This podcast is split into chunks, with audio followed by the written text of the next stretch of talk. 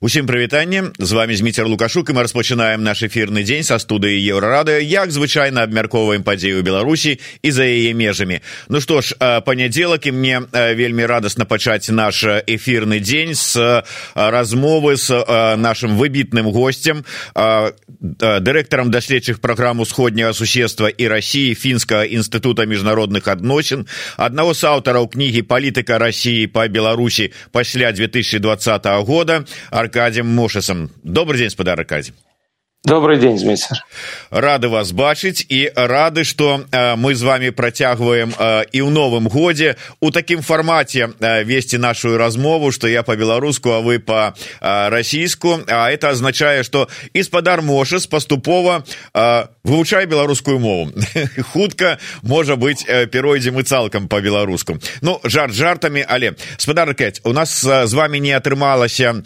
напрыканцы мінулага года зладзіць эфир вельмі насычаны быў графік і у нас эфірны і у вас працоўны. Але недалёка адышлі ад ўсё ж таки заканчэння мінулага года от 23 і таму я хацеў бы ўсё ж таки ваше меркаванне пачуць. Вот якую падзею у міжнародным у свеце у палітыцы в эканоміцы у грамадскім жыцці вы назвалі самой такой галоўнай яркай адметнай? Можа якая паўплывала на ўсіх нас і гэта незалежна ад таго у фінляндыі мы у беларусі там ці у россии у польшчы ці яшчэ дзе но вот такое падзея якая можа быть не сёння а завтра конкретно на нашем жыцці можа адбіцца я думаю что одно событие найти все равно не получится ну хай будет три одна, одна тема очевидна это это война россии в украине э, динамика конфликта в 23 году и особенно итоги так сказать к чему этот конфликт подошел к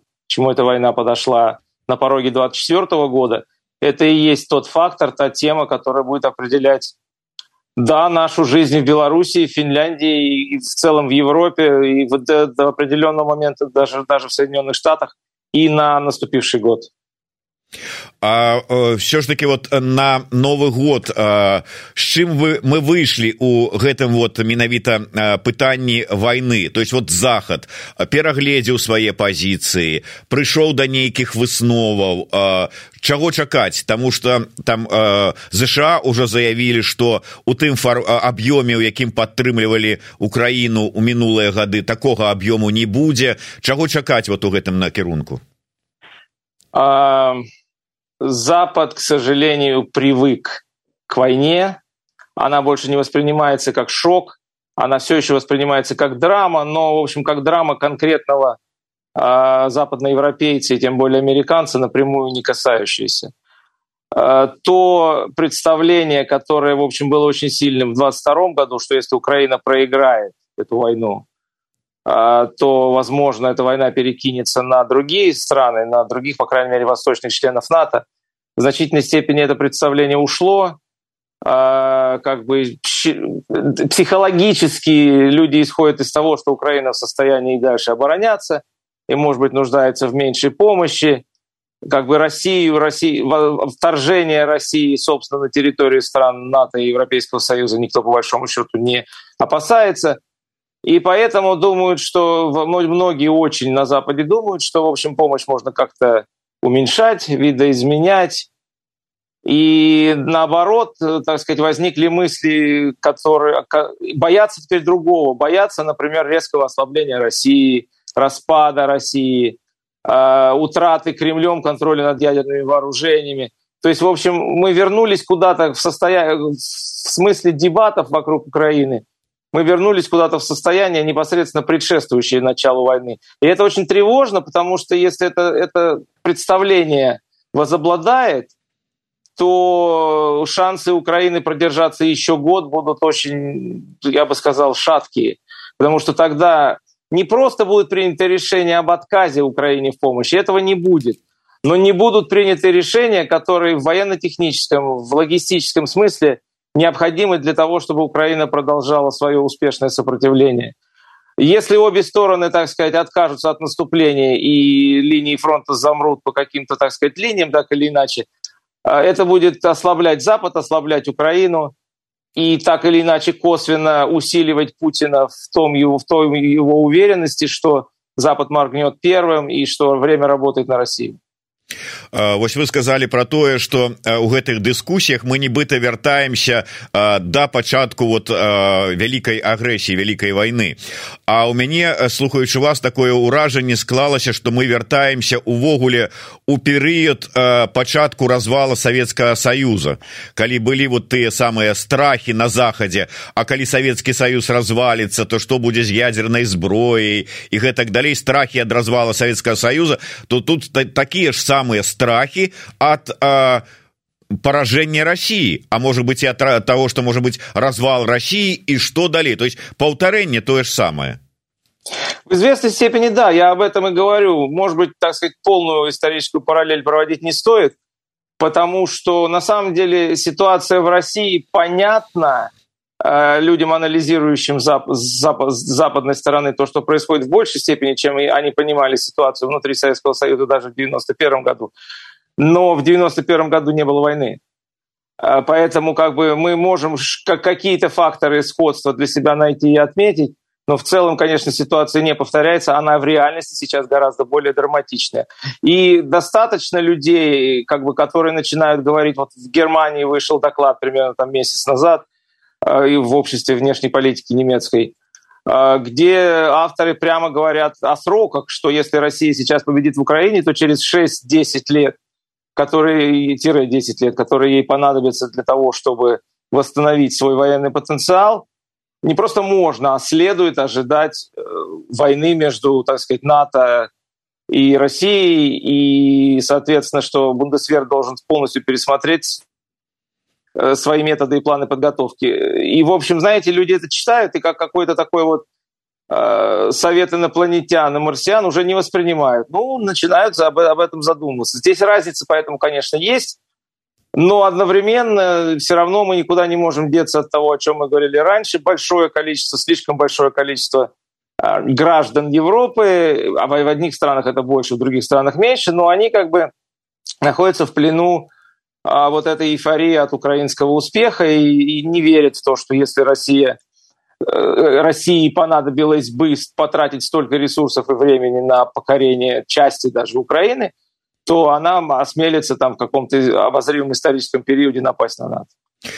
Спадар аркаць пры ўсёй павазе да мужнасці украінскага войска і украінца ўсіх але пра якія поспехі мы можемм казаць у 23 годзе? Усе ж чакалі такого контрнаступа маштабнага што калі там не выкінуць цалкам расійскую армію там уже за за межы Украіны то прынамсі вот будзе штосьці такое маштабна нічого маштабнага не атрымалі. Да супрацьстаяць але вось а, такое у мяне адчуванне что ёсць пэўнае там ну как бы расчараванне мы тут чакалі нас там нам там паабяцалі нейкія контрнаступы поспехи а гэтага няма. Но это были иллюзии это были иллюзорные представления иллюзорные надежды частично созданные самой украиной. Вот, так сказать, когда ее ведущие спикеры, вплоть до топовых политических э, верхних лиц, Э, слишком много излучали эйфории о том, что вот-вот это случится. А частично, ну вот так это было инерцией некритического отношения к тому, что произошло там в сентябре-ноябре 22 года. С иллюзиями расставаться всегда болезненно, но любой человек, который читал книжки о какой-либо из современных войн, должен был себе представлять, что э, каким-то победным триумфальным маршем э, это не будет. Э, поэтому разочарование есть, усталость есть. К марафону, в отличие, это сейчас ну, все уже говорят, в отличие от спринта, Запад оказался не готов. Э, Украине, безусловно, следует э, пересмотреть свою информационную политику. То, что те сигналы, которые она посылает на Запад, это уже произошло в ходе дебатов между начальником генштаба Залужным и президентом Зеленским. Но этого, наверное, недостаточно. Это надо, это надо, надо начинать убеждать в том числе граждан Украины, которые находятся прежде всего в Украине, что война будет долгой. Э, Запад, Запад не может воевать за Украину. Да, наверное, опять-таки даже мне казалось, что решение принципиального включения Украины в западный периметр безопасности состоялось, что это решение было принято. Сегодня мы видим, что оно не принято, многих типов вооружений, необходимых Украине, она не получила. И как бы вот мы находимся в этой точке какого-то очень пока неустойчивого равновесия, неустойчивого баланса.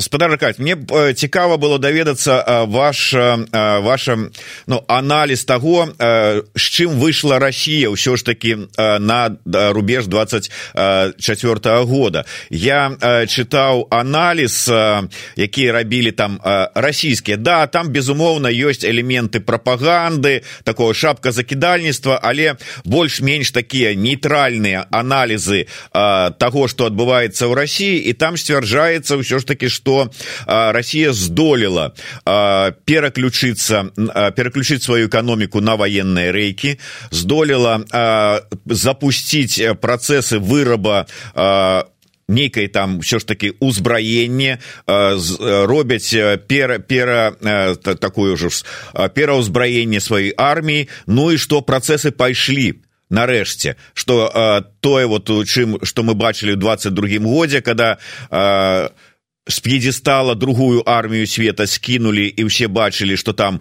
э, вельмі складаная сітуацыя зараз нібыта з гэтага выходзіць ці сапраўды гэта так вот что вы назіраеце э, ну очевидно что все те предсказания что российская экономика рухнет там сначала говорили за три месяца потом за шесть месяцев потом стали говорить максимум о двух-трех годах Сейчас серьезные экономисты говорят, что у России хватит экономического ресурса как минимум на 4-5 лет. А, мы видим, что как бы Россия воюет деньгами, что она платит, чего никогда не было в истории, на самом деле, России. Она платит деньги, так сказать, солдатам, которых она и так призывает, их семьям и так далее. Да, это не на 100% работает, но задача стоит именно так избежать мобилизации и найти достаточно людей, так или иначе добровольно за деньги соглашающихся воевать. Это, это новое, это важно. И российская экономика не рухнет. Россия адаптировалась к новым условиям внешней торговли. Это не значит, что это, это теперь будет раз и навсегда, потому что Запад, опять-таки, примерно через полтора года после начала войны начал принимать какие-то меры по предотвращению обхода санкций. Это важно. Но так или иначе, с точки зрения макроэкономической, денег, э, денег хватит какую-то очень достаточно большую перспективу. Выдержит ли Россия технологически долговременную войну, мы не знаем. Я, по крайней мере, точно не знаю. Я не являюсь э, настолько экспертом в деталях процесса, но понятно, что э, как бы если а, вторичные санкции будут работать поставка, производство вооружения оказывается затрудненным, то компенсировать потерю вооружений прежде всего не людей. Потерю людей, я думаю, что Россия найдет возможность найти необходимое количество людей. А вот в технологическом смысле компенсировать потерю вооружений э, в долгосрочной перспективе она вряд ли сможет. Но тем не менее, исходить надо из того, что, еще раз говорю, на ближайшие там какие-то пару лет э, запасов хватит. И да, поэтому как бы э, нужно прощаться с эйфорией, нужно прощаться с иллюзией и анализировать Россию в том виде, в котором она есть. Мы знаем, что у нее хватает денег, что у нее хватает человеческого ресурса, у нее хватает инструментов контроля над обществом, у нее хватает политического ресурса контроля над элитами.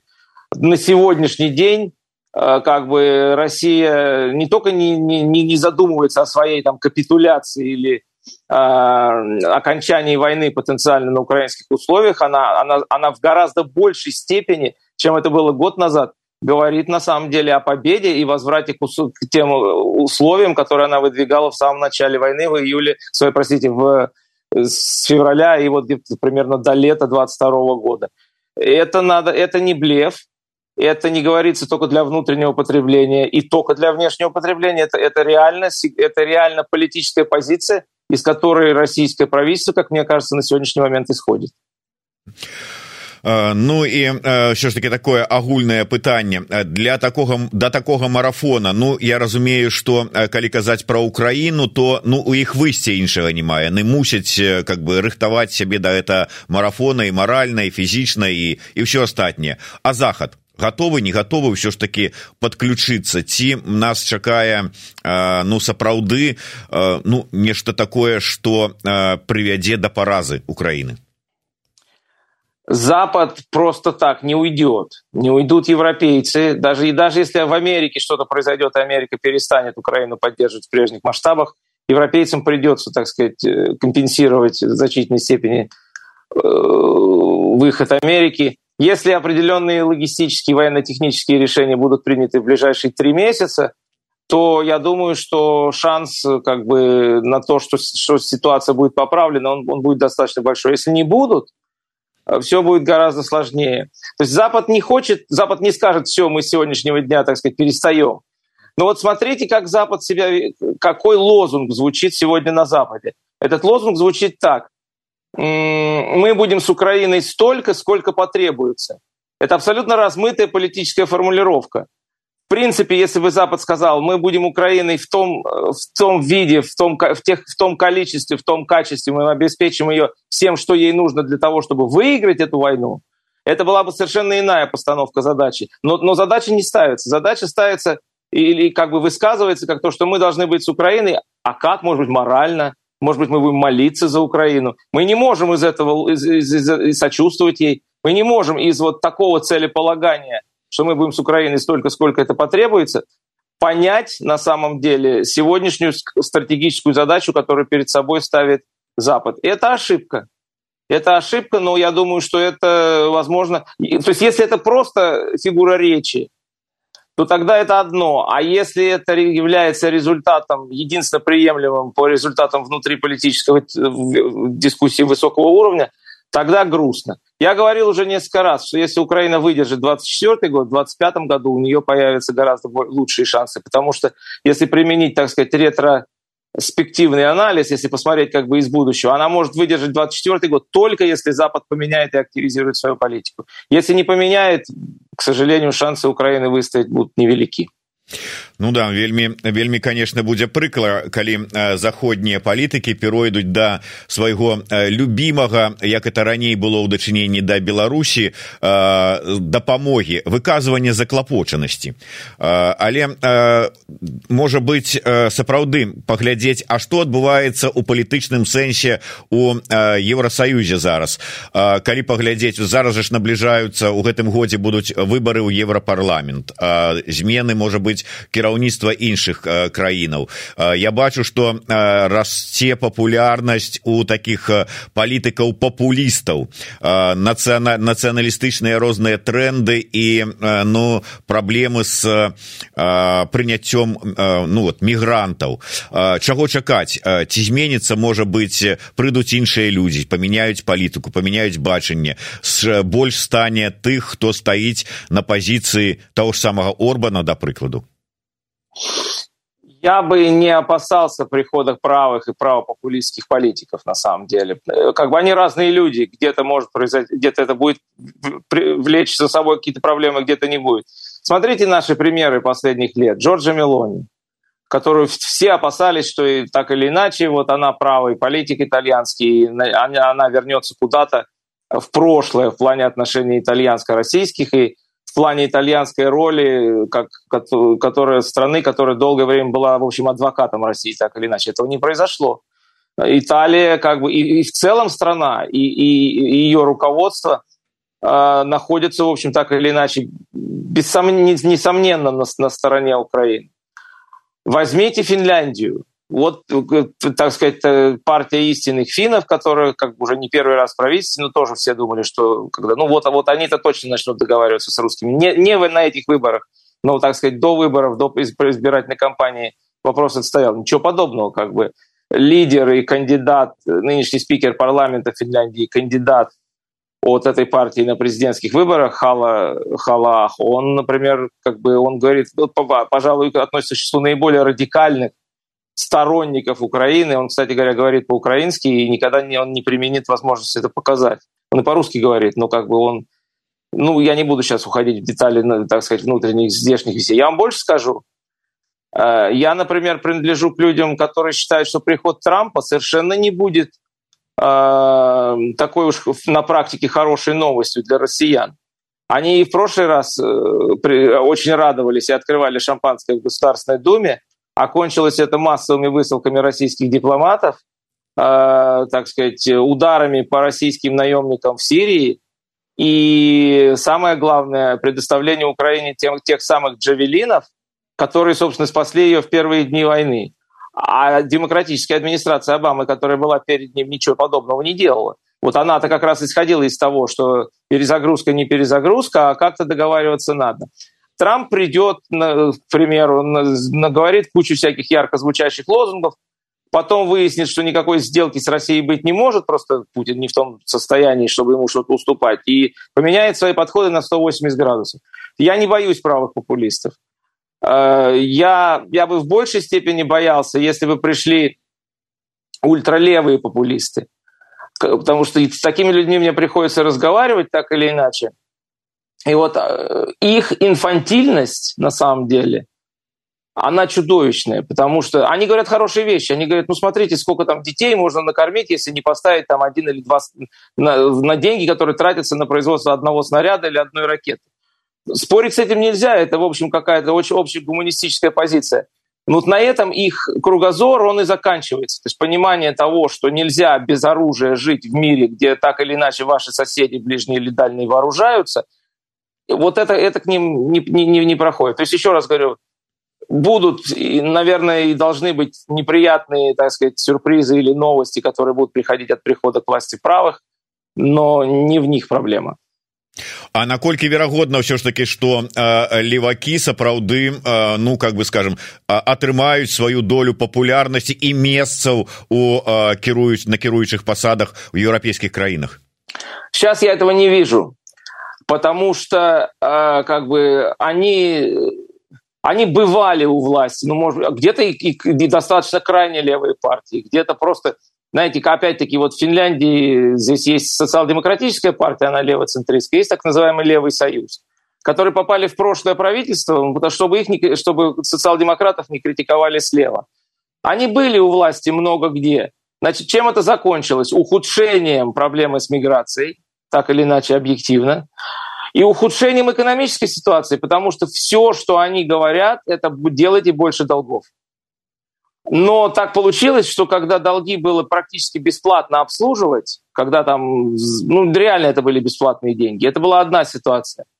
Когда же э, банковские ставки и проценты выросли до 3, 4 и более процентов, позволить себе наращивать долги, измеряющиеся десятками миллиардов евро в год, никто не может. И там профсоюзы с этим борются. Понятно, что в Европе идет ухудшение объективного уровня жизни людей, даже в ведущих экономиках. Но у левых нет рецепта. Все, что они предлагают, это брать больше денег в долг. Это большинству сегодня уже не нравится. А внешняя политика здесь даже не главный вопрос. Но, как бы, опять-таки, сейчас, мне кажется, наступает время большей трезвости в целом, большей зрелости от политиков она будет требовать. И это, в общем, неплохо. Это дает определенную надежду.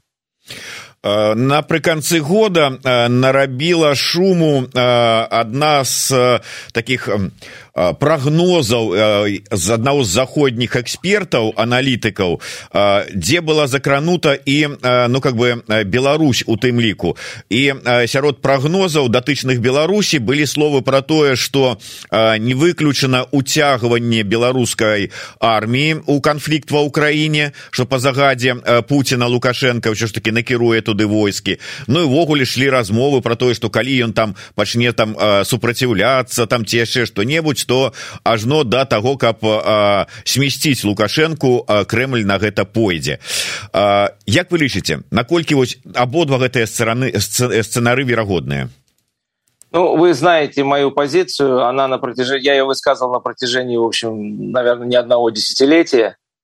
Я не вижу смысла для господина Путина а, ни в том, чтобы давить на Беларусь с тем, чтобы получить непосредственное вступление в боевые действия белорусских вооруженных сил.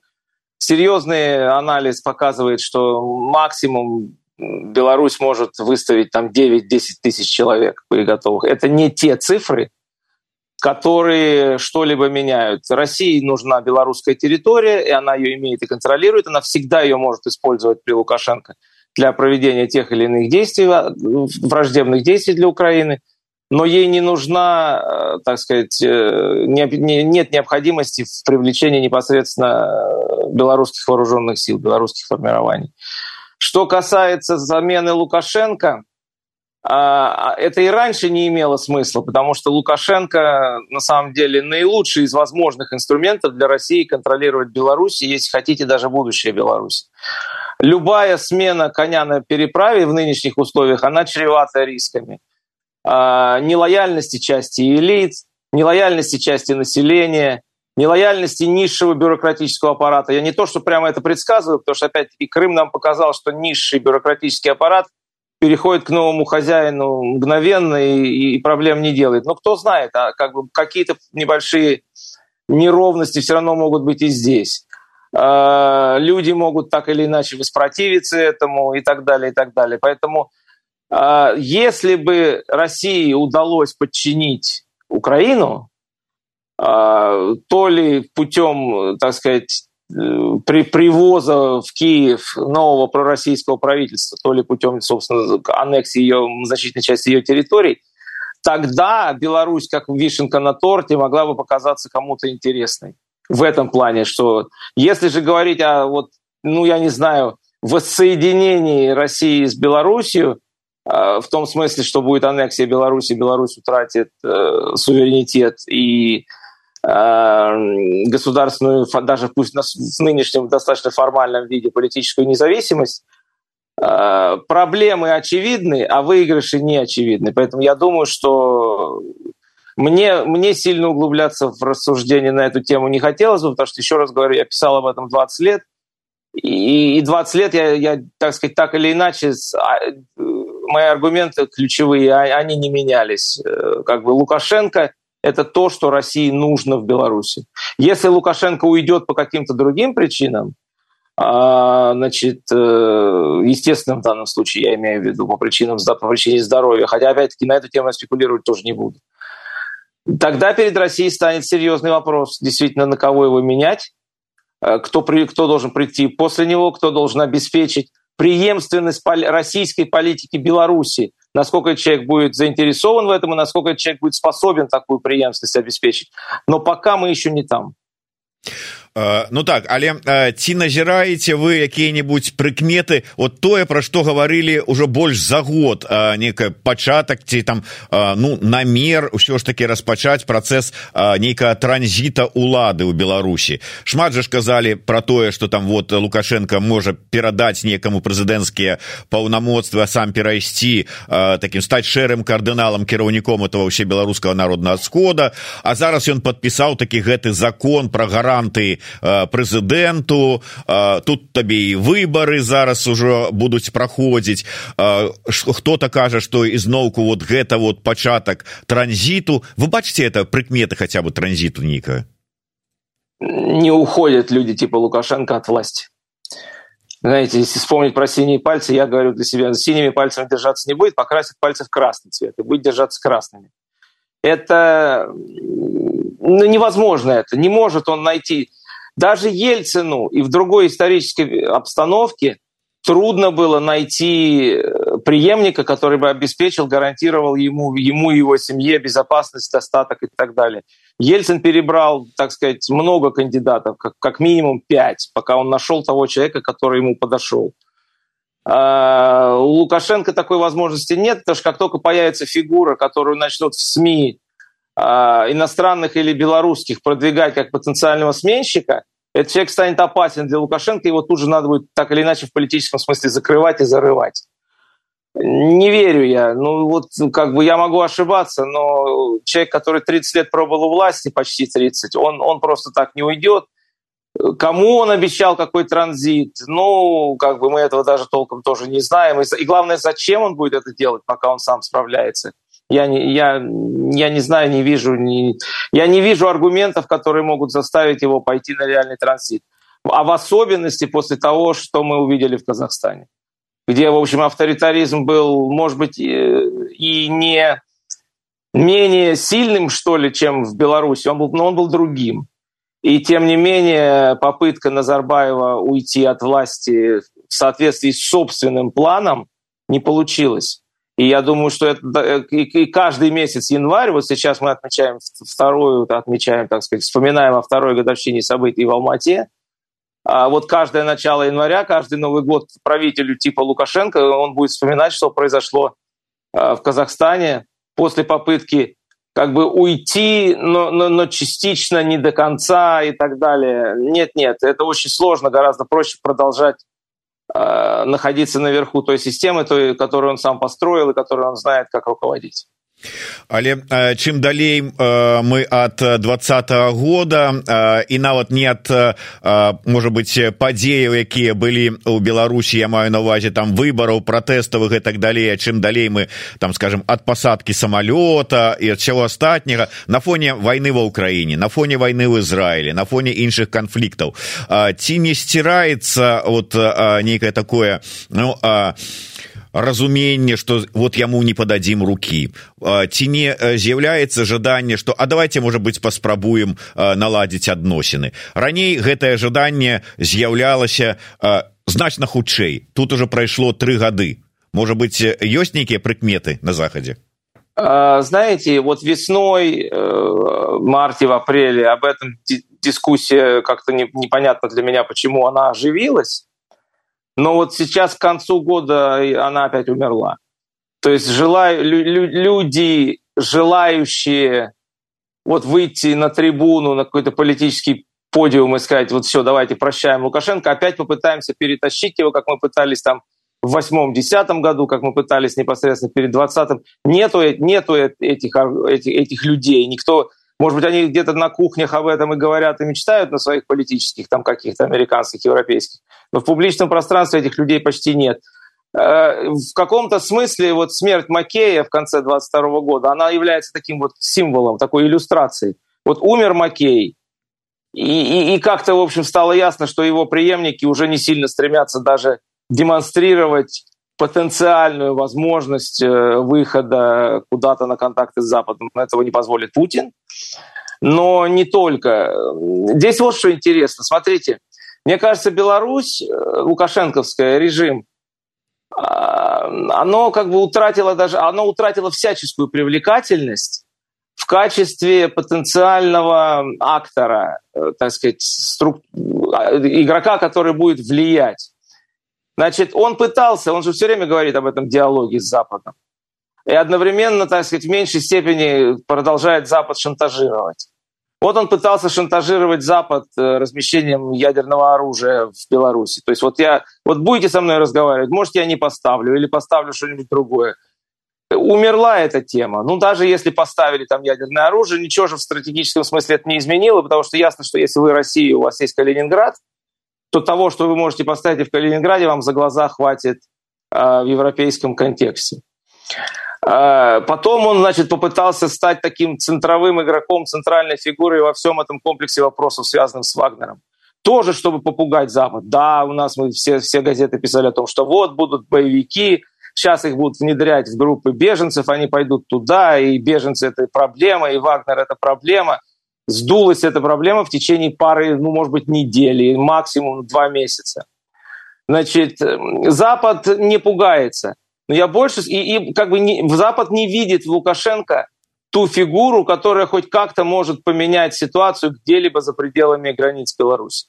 Более того, значит, что у нас еще произошло? У нас произошло падение э, авторитета Беларуси в, э, на постсоветском пространстве – это было видно очень сильно. В конце года все вот эти эскапады Еревана, сюда не поеду, сюда поеду, как бы и, более это серьезно. Это, в принципе, как бы, если задумываться о дипломатических канонах, это достаточно серьезная пощечина Лукашенко как человеку, который претендует на один из центров интеграции и реинтеграции постсоветского пространства. С казахстанским президентом у него были перепалки, да, хотя это, конечно, меньше, чем Армения. И последний момент.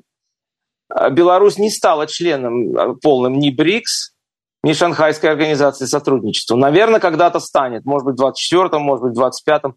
Но вот не пошел Путин на то, чтобы как бы положить российскую позицию на ту чашу весов, которая бы перевесила и которая бы сделала Беларусь это тоже вещи достаточно небольшие, и они не меняют жизнь никоим образом кардинальным, кардинально. Но вот не взяли. Вот кого-то взяли, а Беларусь не взяли. это, это же тоже все сигнализирует о том, на, в какой степени Лукашенко способен на что-то влиять на постсоветском пространстве и так далее. А, поэтому, э, в общем, здесь э, надо зафиксировать такой момент, что внутри политические позиции режима укрепились за прошедший год. Как бы инерция пост, постреволюционной реакции возобладала, и, и понятно, в общем, что, как, куда происходит.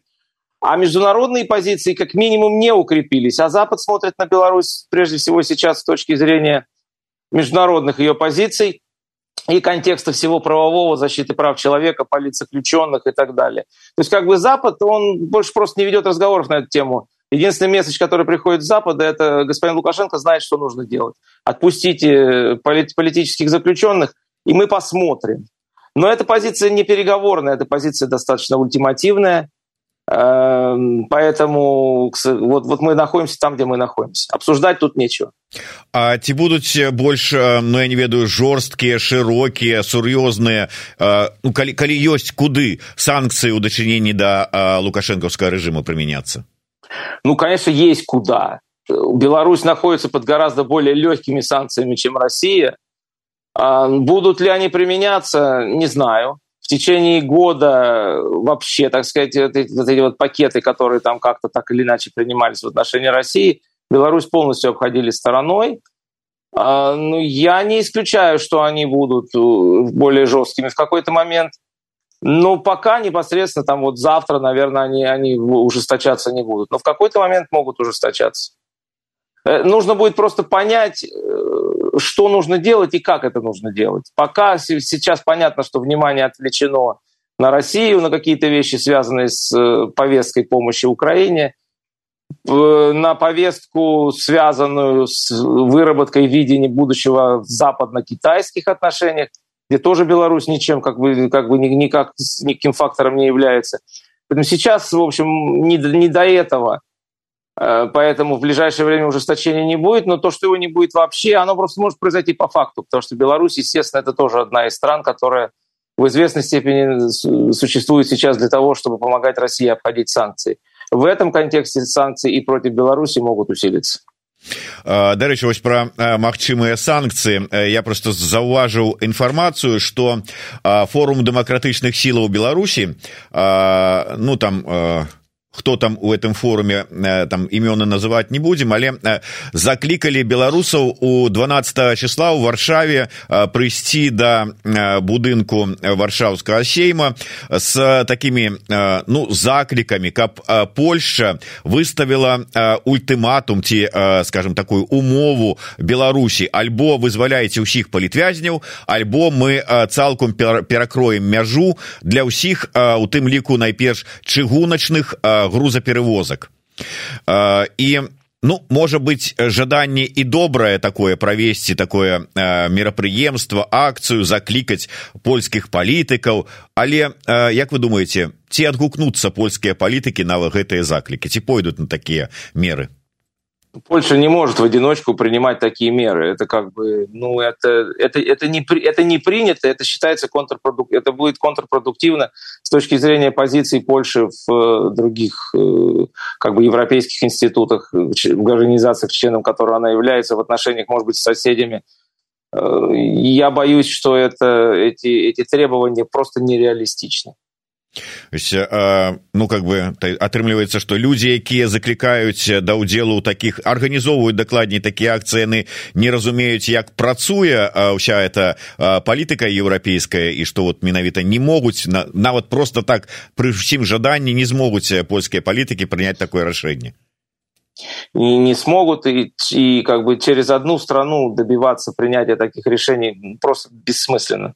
Насколько бы важной эта страна не была, есть, есть, есть общеевропейское правовое поле, в нем возможны какие-то отклонения, но и то в меньшей степени в том, что касается внешней политики. Но там невозможно, реально невозможно одной стране полностью действовать в одиночку. Мне сейчас скажут, что вот Венгрия же ведет себя так, как она ведет себя. Но и она не одна.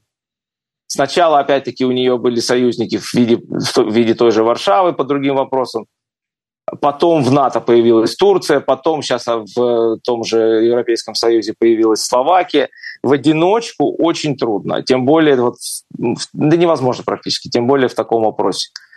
А, безусловно, проблемой является то, что как бы при том, что Беларусь никоим образом не является центральным вопросом, а центральной проблемой Европейского Союза, в других странах Европейского Союза, не граничащих с ней, очень трудно поднимать эту тему и продвигать ее. Тем более, если это будет касаться, так сказать, не выражения просто солидарности, а, а реально каких-то сдвигов на земле. Посмотрим, как будет себя вести, на самом деле, новый Европейский парламент. Это, это вот интересно, мы чуть-чуть затронули это, потому что нынешний парламент несколько месяцев назад принял очень серьезную резолюцию.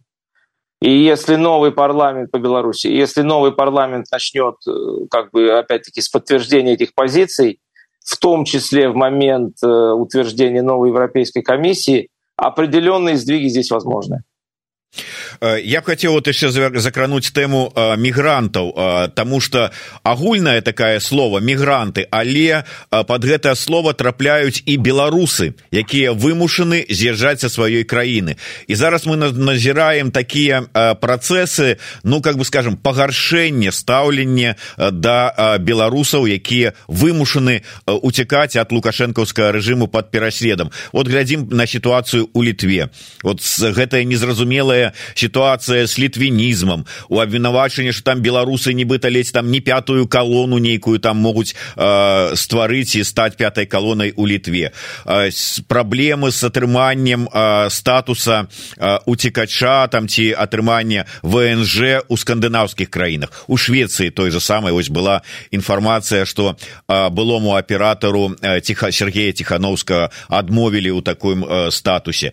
Э, і ця як вы думаете на фоне агульнага усееўрапейскага пагаршэння адносінаў да мігрантаў у пытанні мігрантаў ці не закране ці не пашырыцца гэта і на беларусаў? Як выправіць эту ситуацию это очень тяжелый вопрос я как бы слежу за ним.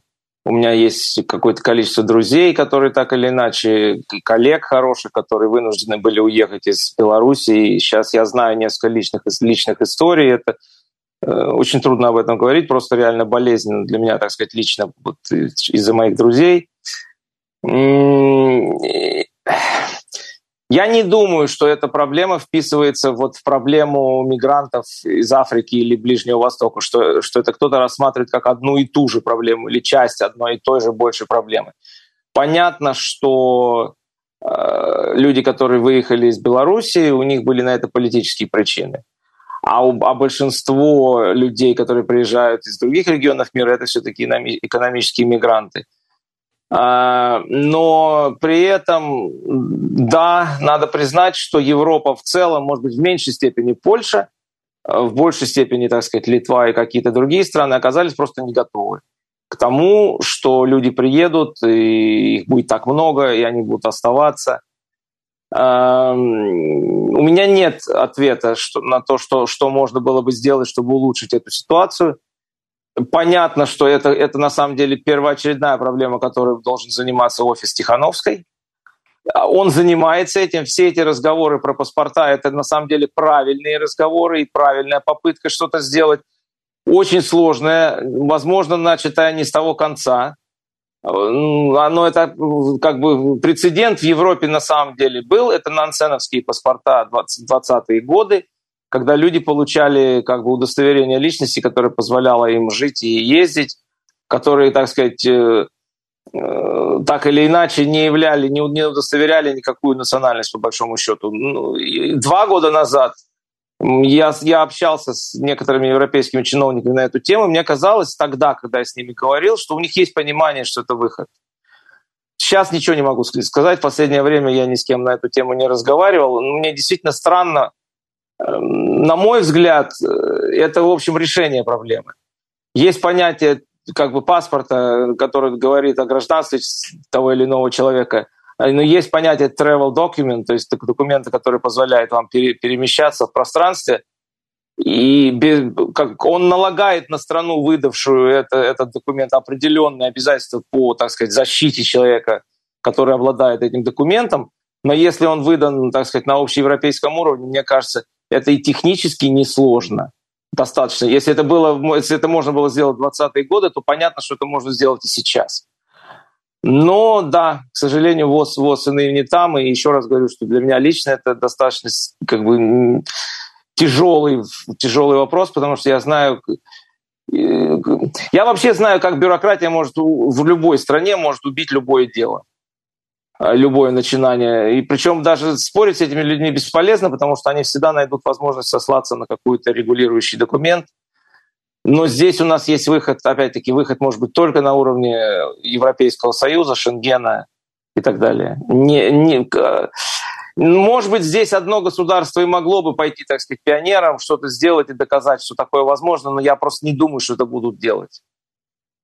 і адпаведна на заканчэнне вот лагічна э, такое пытанне мы з вами праговорылі э, тэзу э, наколькі магчымыя ці магчымыя ввогуле змены у адносінаў э, захада евросаюза найперш у дачыненні да лукашэнкаўскага рэжыма а стратэгія евросаюза ў дачыненні да дэмакратычных сілаў беларусі на 24 год і на ваш погляд э, якое яна можа быць будуць якія-нибудь змены адносна э, таго якой вот было стаўленне у папярэднія гады А, На самом деле, я, ну, как бы, опять-таки, нельзя же сказать, что вообще ничего не делается.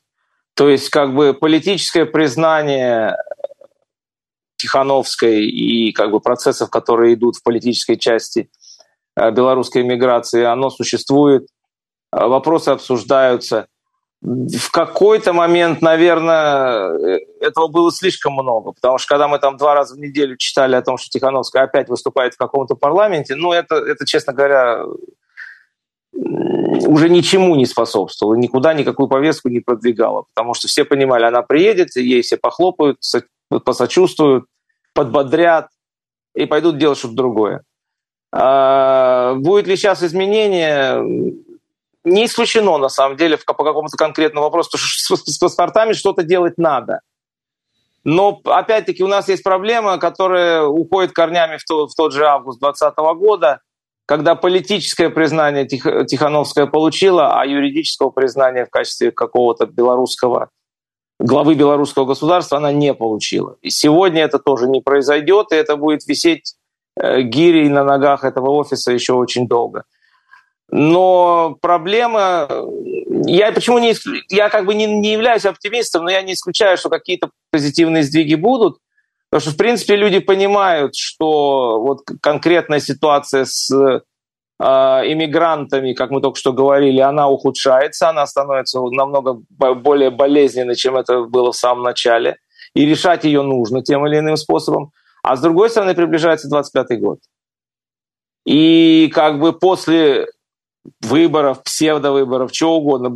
После нек- некой псевдоэлекторальной процедуры, которая в Беларуси будет организована, а, значит, да, можно будет не признавать, если Лукашенко опять не приз... продолжать не признавать, потому что это опять будет нелегитимное, как бы с международной правовой точки зрения, результат, если он останется у власти.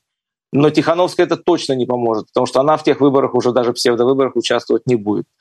И, и, и, и дальше все сведется к э, дискуссии юристов, у которых у одних будет одно мнение, у других будет другое. И я думаю, что люди на Западе, если сейчас и не до конца это понимают, но в течение так сказать, ближайшего полугода они это поймут. Поэтому, может быть, какие-то сдвиги будут, но э, ситуация проблемная, проблематичная и таковой останется. Дякую вялікі Ну што ж я спадзяюся што не апошні хоць і першы але сустрэча і размова у гэтым годзе. Я б вельмі хацеў каб як мага часцей спадар мошас прыходзіў да нас у эфір. Будзем спадзявацца што так яно і здарыцца.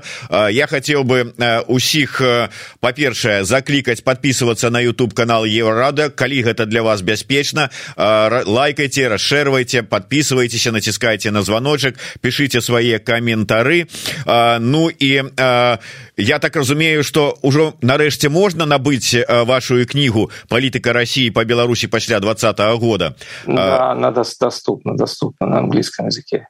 Но но но как все что выходит в западных издательствах очень дорогая. Ну як звычайна дарэчы А вот по выніку цяперашняй інфармацыі якую вы маеце што б вы дапісалі у гэтую кнігу якую главу дадалі ничего бы не дописал.